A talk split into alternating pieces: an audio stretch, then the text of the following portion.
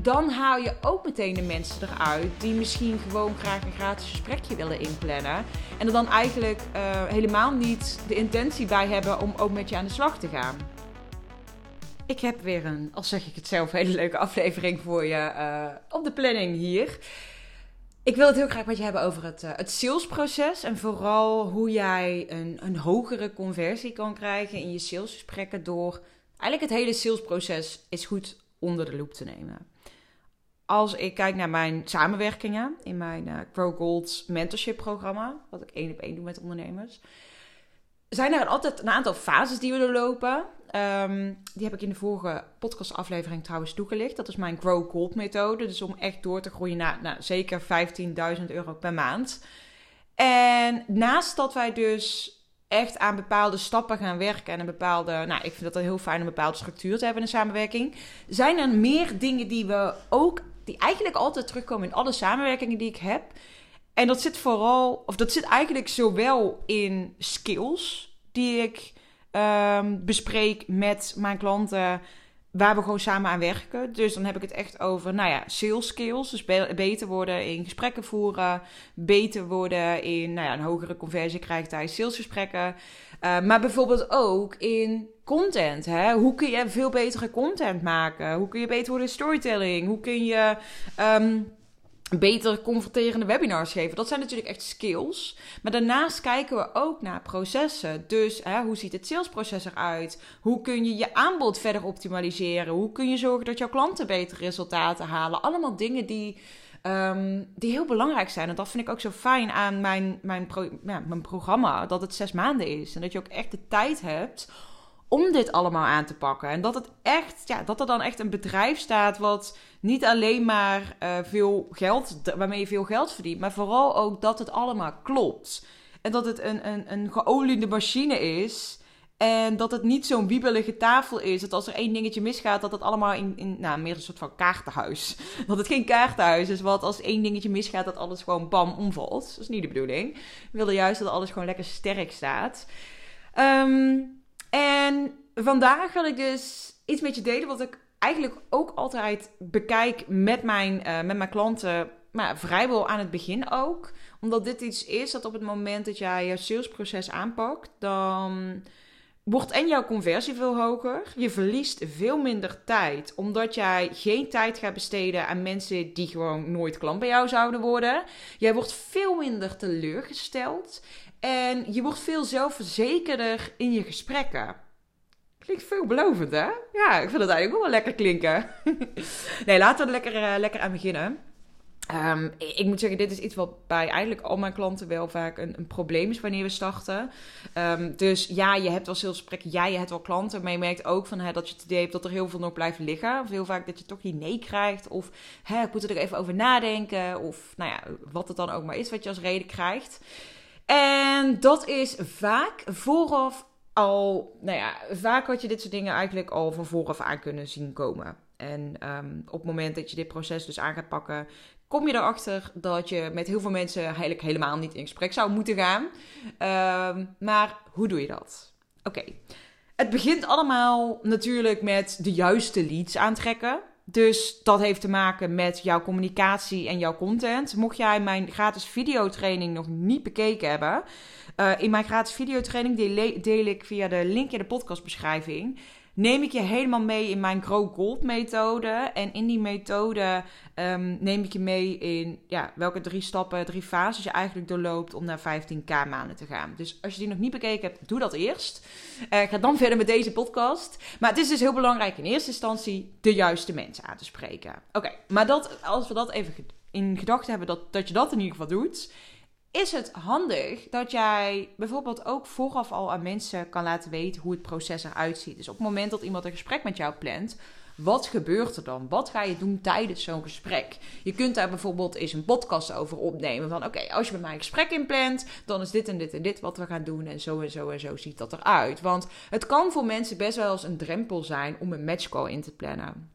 Ik benoem dat best wel vaak in mijn podcast of in mijn content. Van hey, plan vooral een matchcall met me in. Tijdens zo'n gesprek gaan we gewoon samen, nou ja, in gesprek, gaan we jouw dromen en doelen in kaart brengen. En gaan we samen kijken of ik jou hierbij kan helpen. En ook hoe dan een samenwerking eruit zou komen te zien. Dus dan weten mensen, oké, dat is wat ik kan verwachten als ik een matchcall met Elle inplan.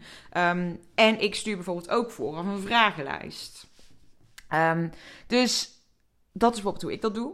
En wat ook belangrijk is om over na te denken, is laat jij mensen zelf bij jou een gesprek inplannen? Of stel jij bijvoorbeeld zelf voor bij mensen om in gesprek te gaan? Of allebei?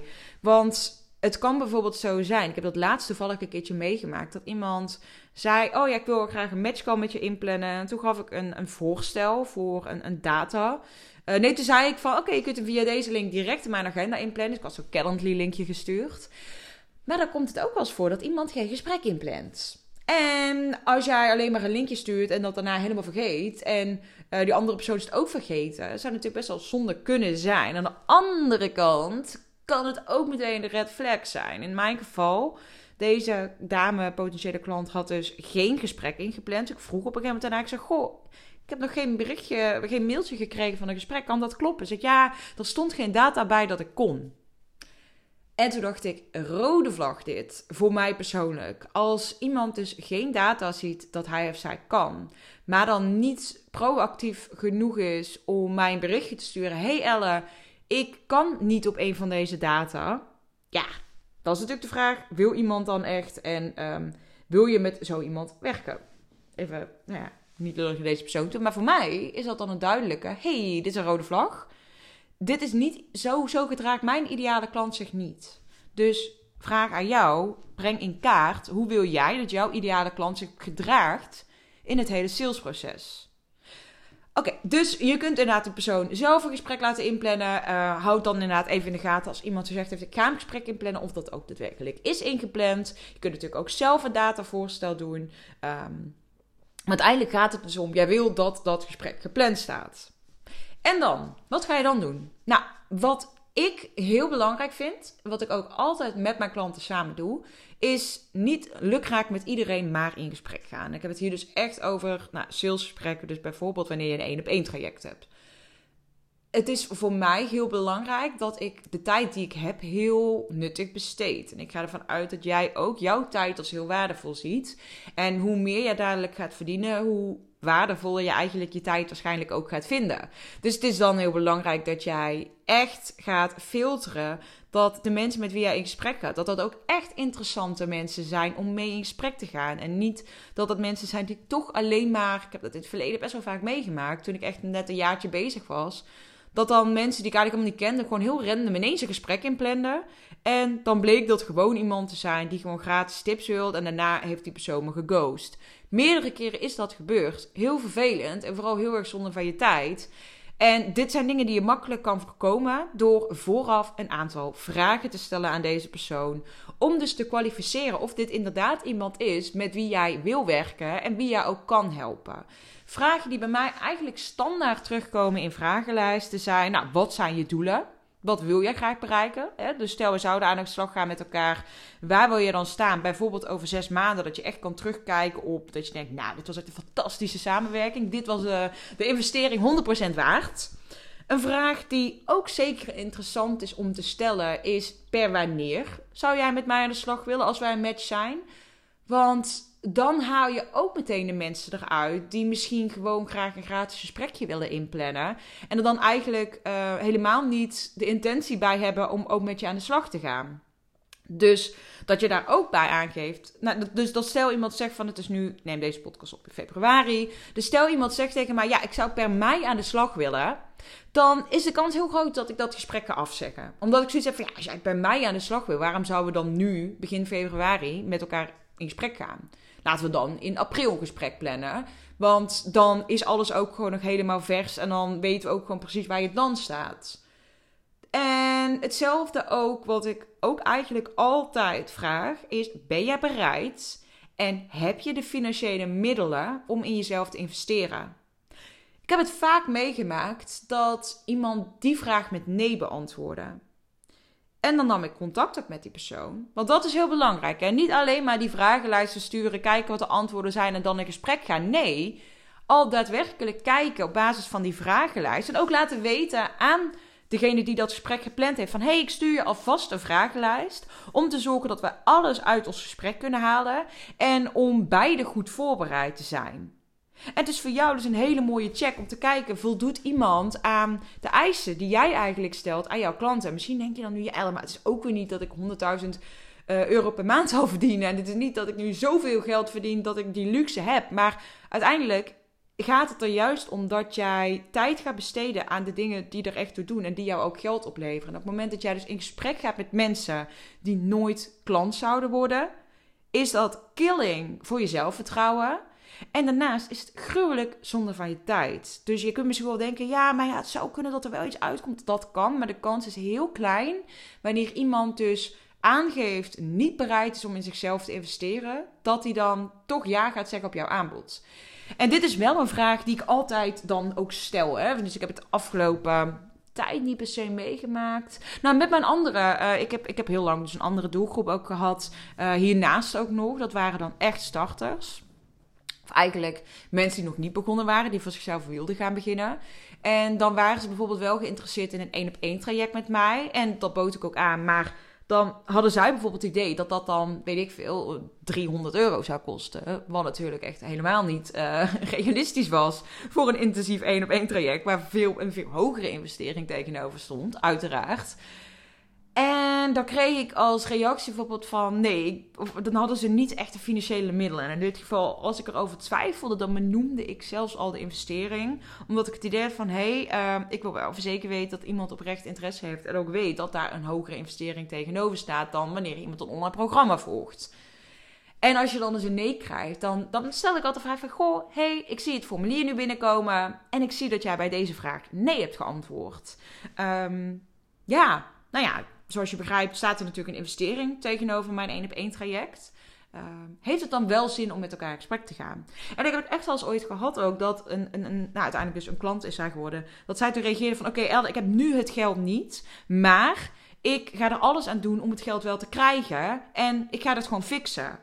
En zij heeft uiteindelijk ook ja gezegd, het is ook allemaal goed gekomen, heeft het geld heel makkelijk en best wel snel weer terugverdiend. Dus het is niet zo dat het dan per definitie ook is van hè, zeg het gesprek af. Maar ga wel die persoon een vraag stellen. Van oké, als jij dus nee antwoordt op deze vraag. Je hebt niet de financiële middelen om in jezelf te investeren. Waarom gaan we dan nu met elkaar in gesprek?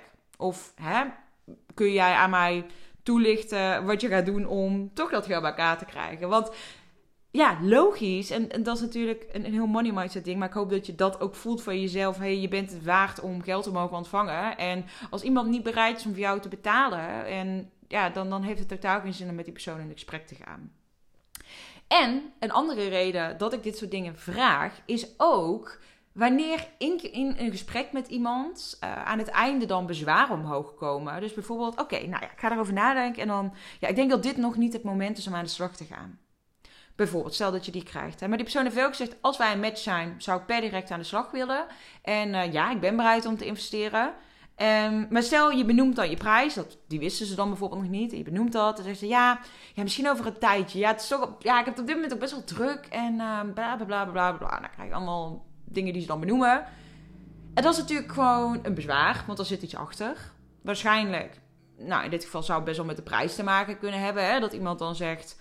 Uh, of iemand hoort de prijs en denkt dan, oeh ja, dat is toch wel iets hoger dan dat ik eigenlijk had ingezet. Ja, weet je wat? Uh, ja, ik wil ook niet tegen die persoon zeggen dat ik dat te veel geld vind. Dus ik zeg wel dat dit misschien toch niet het moment is, of ik ga er nog even over nadenken of wat dan ook.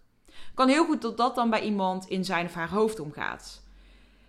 En wat je dan dus heel mooi kan doen, is aangeven, goh, maar even voor mijn beeldvorming. Hè? Want je hebt gezegd in dat formulier ook van, je wil per direct aan de slag. Je hebt een heel grote droom, je hebt een heel groot doel. Het is heel belangrijk voor jou, zei je ook. Ik zeg, maar nu zeg je, ik wil het nog niet gaan, ik wil dit nog niet. Even los van het traject, hè, maar van, dat, dat het toch dus blijkbaar niet belangrijk genoeg is om nu aan de slag te gaan. En dan kun je gewoon echt aan iemand vragen van, wat zit er dan achter? Waar heeft het dan echt mee te maken? Want je gaf eerder aan dat het super belangrijk voor je is. Maar nu geef je aan, het is toch niet belangrijk genoeg om er dus nu mee aan de slag te gaan. En dan mag je ook echt bij iemand aangeven. Want dit, dit zeg jij niet om iemand te pushen. Dit zeg jij om een gesprek te kunnen voeren over wat er echt met iemand gaande is, wat er echt aan de hand is, wat eronder zit. En vanuit daar kun jij een gesprek gaan voeren, wat echt gebaseerd is ook op een diepere connectie en veel meer vertrouwen. En dat je ook die persoon helder mag maken van hé, hey, je mag volledig eerlijk met mij zijn. Dus als jij helemaal stijl achterover vervallen van, van de prijs die je dan net genoemd hebt, bijvoorbeeld, dat iemand daar heel erg van geschrokken is van jouw prijs, ja, dan mag je dat ook gewoon benoemen. En dan mag je ook gewoon zeggen van ja, het is ook veel geld. Ja, maar vertrouw je erop dat we dit samen kunnen? Vertrouw je op jezelf? Vertrouw je op mij? En als dan het antwoord nee is, kijk, dan weet je ook meteen waaraan gewerkt kan worden. En waar eventueel een vervolg ingepland kan worden. Maar eh, uiteindelijk, dit is weer een heel ander onderwerp. Dit gaat weer om diepere bezwaren tackelen. Of ja, coachen op bezwaren, hoe je het ook noemen wil. Maar uiteindelijk gaat het er veel meer om dat op het moment dat jij hele goede kwalificatie hebt, dus vooraf, dus voordat jij met iemand in gesprek gaat, heb je en veel betere leads met wie jij daadwerkelijk gesprekken voert. Hoef jij niet in gesprek te gaan met mensen die gewoon sowieso niet serieus waren. Wat dus veel beter is voor jouw vertrouwen en wat ervoor zorgt dat de gesprekken die jij voert veel leuker zijn en ook op een veel hoger niveau gevoerd kunnen worden, omdat er daadwerkelijk, uh, het gaat ergens over. En je hebt niet meer te maken met mensen die toch niet serieus waren. En dan ga je ook zien dat jij veel vaker een ja gaat krijgen. Wat ook weer veel leuker is. Dus uiteindelijk is dit, dit proces optimaliseren en continu ook weer bijsturen. Want uh, bijvoorbeeld met mijn klanten ook. Ik heb nu bijvoorbeeld met mijn klanten. Um, met één klant heb ik dan bijvoorbeeld een of andere vraag wel in een, in een vragenlijst zitten. En met een andere klant bewust niet. Bij een ene klant uh, heb ik bijvoorbeeld wel dat we de prijs benoemen van haar traject in een vragenlijst. En bij de andere doen we dat heel bewust niet. Dus overal, um, het is wel belangrijk om echt na te denken. En niet zomaar lukraak wat dingetjes neer te zetten. Dus wat moet, het moet passen bij jou en bij jouw aanbod en bij jouw doelgroep uiteraard. En ook jouw manier van communiceren. Maar uiteindelijk is dit wel gewoon heel belangrijk. Dit proces optimaliseren gaat er echt voor zorgen dat jij een veel hogere conversie hebt in jouw salesgesprekken. Dat het voor jezelf veel leuker blijft. En dat je er ook gewoon meer voldoening uit gaat halen. En gewoon veel meer ja's gaat krijgen altijd leuk, toch? uh, ik ben heel benieuwd hoe dit bij jou zit. En of dit iets is waar jij nu misschien al veel mee bezig bent. Of dat je misschien juist door deze podcast denkt: Oh, ik ga dit doen of ik ga dat doen. Heel benieuwd. Laat het me vooral weten. Ik vind het heel tof om te weten wie de podcast luistert. Dus ik ben heel benieuwd naar jou. Stuur me vooral een berichtje op Instagram of op LinkedIn. Dat kan natuurlijk ook. En dan kom ik heel graag ook gewoon met jou in contact als, als luisteraar van deze podcast. Voor mij is dat veel leuker dan wanneer ik alleen maar nummertjes en statistieken zie. Dat ik ook weet wie daadwerkelijk de podcast luistert. En ik ben heel benieuwd wat je uit deze aflevering gehaald hebt. In ieder geval weer dankjewel voor het luisteren. En uh, tot de volgende weer.